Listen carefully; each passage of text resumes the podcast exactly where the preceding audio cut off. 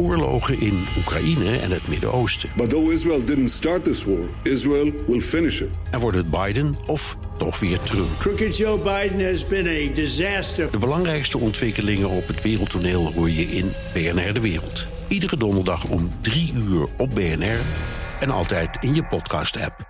The Donald Show. Tijd voor een update uit de United States of Trump met onze correspondent in Washington, Jan Posma. Jan, we gaan het zo hebben over impeachment van de president. Maar eerst even terugkomen op de vorige week. Toen hadden we het over de World Series. Dat is de eindronde van het honkbal. En het is nou vers bij jou, hè? Ja, dat, dat is het zeker. Er was gisteravond zelfs vuurwerk. De, de voorpagina van de Washington Post heeft voor het eerst in lange tijd geen Trump erop staan. Maar eindelijk, de Nets zijn kampioen. En uh, een van de politieke nieuwsbrieven uh, die ik krijg daarin stond... Uh, ja, de Nationals winnen de World Series. Is er eigenlijk verder nog wat gebeurd? nou, er kwam zelfs een felicitatie via Twitter van president Trump. Maar die is sindsdien wel weer overgestapt op impeachment. En ik moet ook zeggen, als ik nu de nieuwszenders aanzet... dan gaan we ook weer langzaam van het feestgedruis terug naar de serieuze zaken. Ja. Want er wordt gestemd natuurlijk vandaag. Ja, jammer eigenlijk. Hè. Dat Ja, eigenlijk wel. Maar goed, in het impeachmentonderzoek is de publieke opinie heel belangrijk. Eh, dat weet een van de getuigen als geen ander. Ja, dat is eh, Alexander Vindman, die eh, een paar dagen geleden voor het eerst getuigde. Dat is eigenlijk de eerste getuige die echt heeft meegeluisterd met dat gesprek tussen Trump en president Zelensky van Oekraïne. Echt een belangrijke man dus en een belangrijke getuigenis. En hij bevestigt ook weer de eerdere verhalen van, van bijvoorbeeld de klokkenluider van andere getuigen. Hij vertelde dat Oekraïne onder druk is gezet, dat er een onderzoek moest komen eh, voordat ze met Trump mochten praten of dat ze die militaire hulp zouden krijgen. Nou, die Vindman die zit in de Nationale Veiligheidsraad, is een veteraan. Uh, kreeg een Purple Heart omdat hij gewond raakte in Irak. Dus in, in alle opzichten uh, een traditionele Amerikaanse held, American hero zou je kunnen zeggen. Maar hij is geboren in Oekraïne. En hij is op zijn derde naar de VS geëmigreerd. Uh, zijn ouders waren Joodse vluchteling. En dit is dan Fox News. He is from the Soviet Union. He emigrated here and has an affinity to the, the Ukrainian people. Here we have a U.S. national security official who is advising Ukraine while working inside the White House, apparently against the president's interest. Isn't that kind of an interesting angle on this story? I find that astounding, and you know, some people might call that espionage. Ik vind het eerlijk gezegd walgelijk, Jan, als je me niet kwalijk neemt. Dat iemand die in een, in een immigratieland. Ja, we hebben, er is in dit land wel eens een, een, een voorzitter geweest van de uh, stafchefs. Die, ik geloof, een Pool was. En die was, ze werd op handen gedragen, maar die sprak nog altijd met een zwaar Pools accent. En denk aan Henry Kissinger en zo. Ja. Dus dit, dit is walgelijk. Nou goed. Veteraan Ja, die in de Nationale Veiligheidsraad zit, is volgens Fox News niet te vertrouwen, omdat hij niet in Amerika is geboren. Ja, ja en, precies uh, wat jij net zegt, dat, dat, uh, die loyaliteit, daar twijfelen ze aan. Uh, ze zeggen van, nou, dat ligt bij Oekraïne.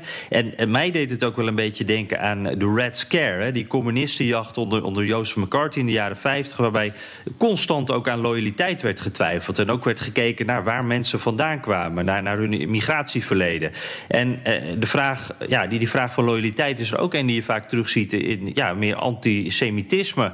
En, en ja, op meerdere niveaus dus is dit, uh, dit zorgelijk. En er komen ook hele felle reacties op. Uh, bijvoorbeeld van Nicole Wallace van uh, MSNBC. Except those people aren't chicken shit like the three of you, and they know that he passed a background check that the president's daughter and son-in-law didn't.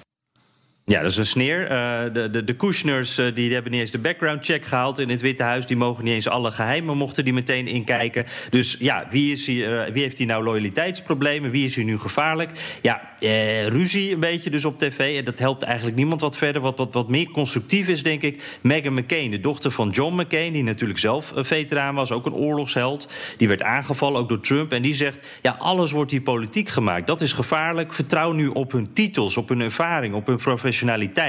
Want ja, anders dan kan je eigenlijk niemand, geen ambtenaar, uh, geen militair, niemand meer vertrouwen. Omdat dat, ja, ze altijd verdacht kunnen zijn om wat ze stemmen. Ja, maar goed, de vraag is: werkt dat zwart maken? Nou ja, ik moet zeggen, voorheen heeft het best wel gewerkt hoor. Um, eigenlijk, uh, als je ziet, los van, van, wie iemand is, wat zijn rang is, uh, of het een man of een vrouw is. de, Trump-campagne heeft eigenlijk over heel veel mensen die negatief zijn over Trump wel iets negatiefs te zeggen. Muller was links, die had een bende vol boze democraten, zei Trump. nou, Muller is zelf geen, geen democraat, staat geregistreerd als republikein. de, de klokkenluider die is zwart gemaakt. En dat zijn allemaal dingen die bij Fox-kijkers wel blijven plakken.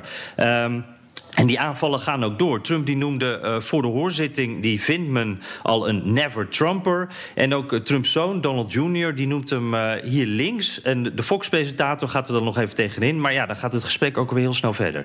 You only get total absolution if you are a leftist veteran. Not a veteran, just a leftist. If you're on their side, you can do no wrong. And but, again, but we don't know if he's a leftist. We oh, just yeah, say that. Yeah, sure. You, uh, we hey, Don, the media, it's in New York. Ja, dan gaat het gesprek dus verder. Je hoort dan nog eventjes uh, zeggen, ja, yeah, sure, het zal wel. En we zien hier eigenlijk een behoorlijk eensgezind front aan de Trump-kant. Dat, dat alle getuigen die negatieve dingen over Trump zeggen... die worden op deze manier aangevallen. En daarbij is dus hetgene wat in de VS altijd heel belangrijk was... het dienen van je land, je leven op het spel zetten voor je land...